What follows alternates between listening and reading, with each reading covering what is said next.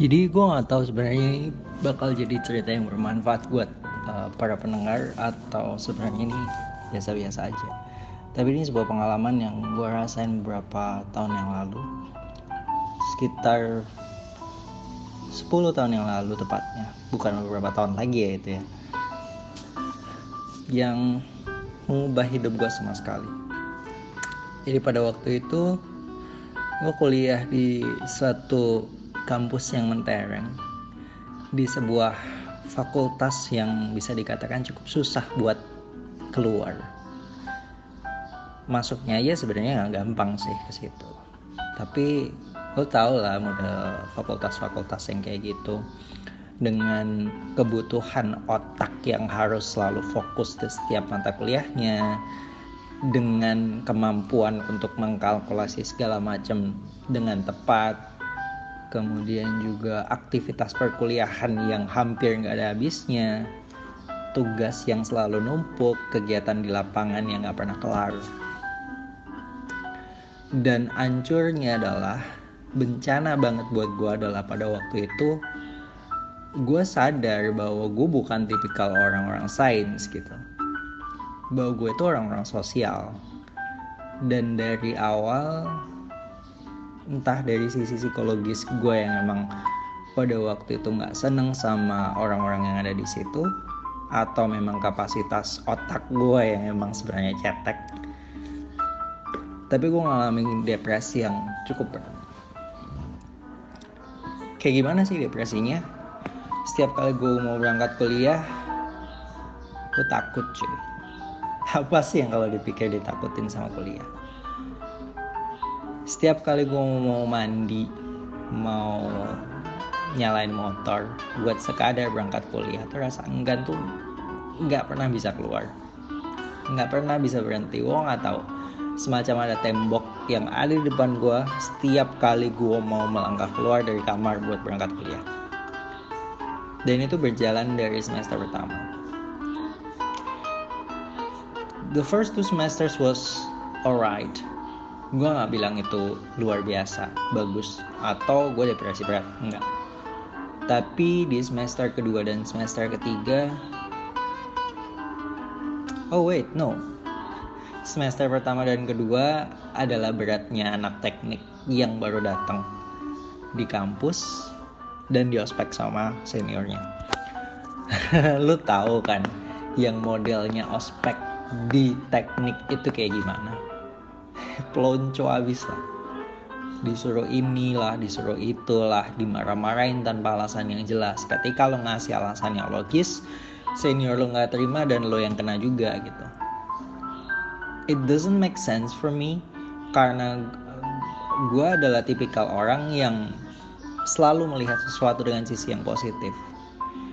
Bukan berarti gue naif gitu. Enggak tapi gue paham bahwa otak gue nggak bisa diajak ke sesuatu yang negatif. Dan pada saat itu apa yang dibilang sama senior itu adalah sesuatu yang selalu negatif. Dan otak gue nggak bisa nerima itu dalam artian gue berontak dengan cara-cara yang gue anggap positif. Gimana? I tried my best in every single thing they debate me for ketika mereka bilang sesuatu yang negatif gue debat dengan cara menunjukkan bahwa gue bisa lakuin apa yang lo pengen gue lakuin. Atau satu. Kedua gue nggak suka sama mata kuliahnya. Gue nggak suka sama teori-teorinya sama hitung-hitungannya. Dan it was overwhelming karena pada saat yang sama gue ngadepin situasi yang baru. SMA itu gue bareng sama orang tua ada dukungan social support ada dukungan sosial dari orang-orang sekitar dan gue selalu ditemenin sama uh, bapak ibu. Gue depresi pada waktu SMA juga karena dituduh nyolong duit 5 juta yang waktu itu nggak dikit. Tapi ada dukungan orang tua. Sekarang begitu kuliah gue dilepas kayak burung yang tadinya di dalam sangkar dilepas tapi sekarang nggak tahu gimana caranya nyari makan. Dan gue stres luar biasa. Itu berjalan sampai pada akhirnya gue mengalami mat gagal dalam mata kuliah. Satu. Dan itu masih ditambah lagi dengan masalah gue takut sama dosen. Gue takut ketemu dosen. Kalau lu adalah orang yang masih bisa gampang buat ngobrol sama orang tua gampang ngobrol sama uh, dosen orang-orang yang lo anggap lebih tinggi gue bukan tipikal orang yang kayak gitu. Gue selalu takut dan berkeringat dingin kalau ngomong sama orang tua. Takut salah takut mereka ngelihat sesuatu yang gak bener dari gue dan marah. Karena pengalaman gue sama orang tua di waktu kecil itu selalu kayak gitu. Makanya itu yang terpatri di kehidupan gue dan itu juga yang gue rasain pada waktu kuliah. Pada akhirnya gue gak pernah berani buat protes sama dosen ketika nilai gue gak bener padahal terkadang bukan gue yang gak bener gitu. ada satu masa di mana gue sebenarnya disuruh sama prodi buat mewakilin prodi berangkat lomba debat. Tapi si dosen nggak ngebolehin gue. Udah masuk di kelasnya dia bilang mau izin sama bapaknya pak saya ada lomba dan ini diutus sama prodi. Bapaknya nggak terima cuy. Gue dimarah-marahin depan semua orang gimana lo nggak depresi? Anak yang masih kecil masih takut dengan segala macem masih takut sama prodinya yang kayak gitu teman-teman yang nggak support juga. Frustasi tapi gue nekat. Mau keluar dari ruangan ngikutin lomba. Dan akhirnya nilai gue D. Berulang berulang berulang berulang. Lo harus ngulang sekian mata kuliah akhirnya. Sama setiap kali ketemu sama dosen yang itu gue selalu gagal dapat nilai yang benar gue bisa dulu seperti nilai D minimal nilai C buat buat di jurusan waktu itu. Terus ya sampailah gue pada semester 8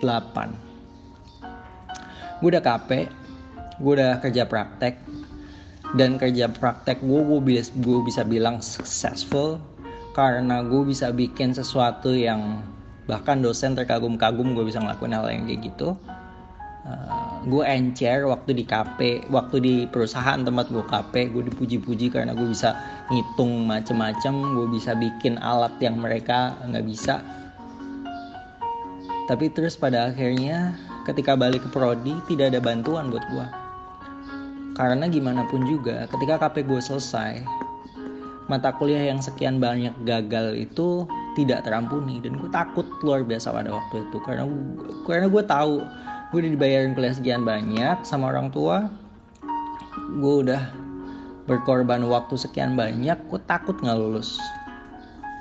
Akhirnya gue di akhir cuma di dalam kamar. Karena gue tahu gue bingung nilai gue E D ada D lagi E lagi. Harus ngulang sekian lama. Gue harus lulus kapan gitu dan gue hitung-hitung dalam jangka waktu 2 tahun mungkin gue gak akan bisa lulus. Gue stres mati-matian.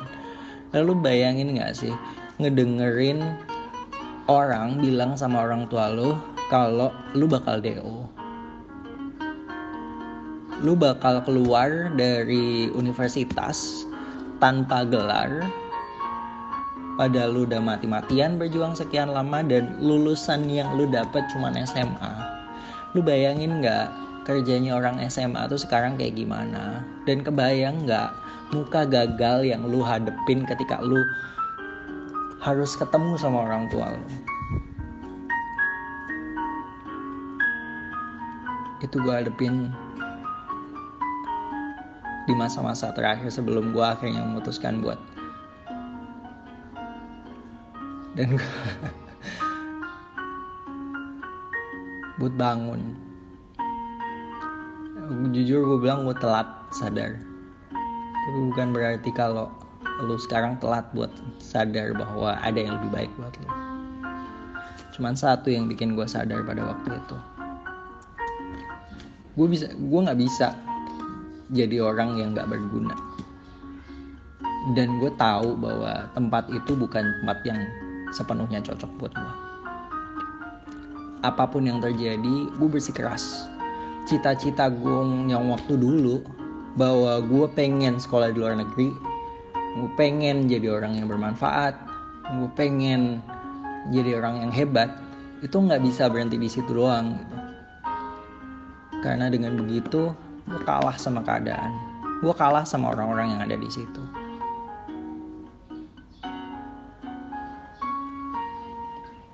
makanya gue memutuskan buat tanya sama yang punya hidup.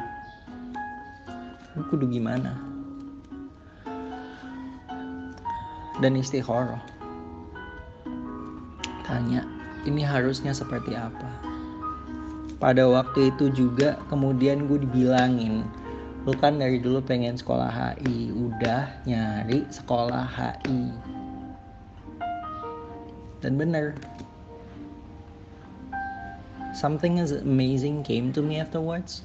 Karena begitu gue lihat di situ ada jurusan HI di kota yang sama. Gue masih nggak berusaha untuk nggak menyerah dengan kuliah gue yang sebelumnya. Gue yakin gue bisa kelar gue bisa kelar. Gue bisa beres dengan yang satu ini. Terus akhirnya ternyata oke okay, gue daftar. Dan nggak main-main. Ternyata di situ ada beasiswanya oke pada waktu gue daftar di situ gue daftar beasiswa sekalian. Review beasiswa gue lolos. Tanpa gue DO dari universitas itu yang akhirnya setelah gue daftar di kampus yang baru itu kesusahan buat ngelarin yang kampus lama karena gimana pun juga nilai gue udah segitu gue masih ada kesibukan yang lain sekarang. Tapi gue tahu bahwa gue yakin ada masa depan. Lu bayang gak sih? Gue DO cuy. Dikeluarin secara tidak hormat dari sebuah universitas gagal setelah 6 tahun nyoba. Dari titik gue daftar ke universitas yang baru itu dua tahun gue masih bertahan di kampus yang lama. Bayar SPP-nya dan gue nggak bisa. Nggak bisa kelar. Masih DO juga. Dan ditelepon sama orang tua. Ceritain kalau ya Allah. Pedih but it doesn't stop there karena tanpa kegagalan gue yang satu itu gue nggak akan bisa sekolah di Sydney men Sydney University adalah kampus nomor 19 terbaik untuk jurusan gue sekarang, HI. Dan tanpa sekolah di HI, tanpa gue gagal, tanpa gue DO dari situ, tanpa gue pindah ke kampus yang baru, gue gak akan bisa nyampe ke kampus itu yang jadi mimpi gue buat kuliah di luar negeri. dan kalau gue ngasih situ akan jadi dosen sekarang. Hidup itu punya ceritanya masing-masing. Setiap orang punya ceritanya masing-masing. Gue tahu apa yang dirasain sama banyak orang sekarang? Mungkin lu sekarang susahan mungkin lu sekarang pontang panting sana sini. Tapi ketika lu gagal jangan bilang bahwa lu bisa kalah sama gagalan itu. Karena ketika lu gagal dan lu nggak biarin diri lu gagal menyerah hanya karena satu hal itu. Dan lu nggak biarin titik kegagalan itu ngecap diri lu define yourself bahwa lu gagal you will be a winner eventually. Karena there's something great waiting for you ahead yang lu nggak akan percaya bahwa Tuhan bahwa Gusti Allah itu sudah menciptakan jalan yang jatuh bangun sekian pedihnya buat lo. Karena sesuatu yang menyenangkan sesuatu yang lu akan sangat bersyukur bahwa itu terjadi itu sudah menunggu di depan. So go ahead. Jangan biarin hal itu jadi sesuatu yang bikin lo kalah. Karena gue yakin semua orang itu diciptakan sedemikian rupa.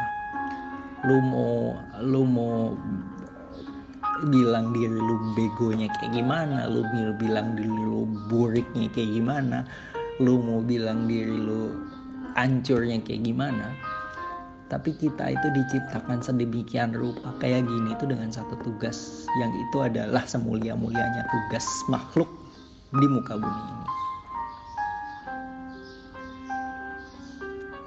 Makanya jangan bikin diri lo jadi menyerah. Karena lu dipercaya sama Allah sama yang menciptakan.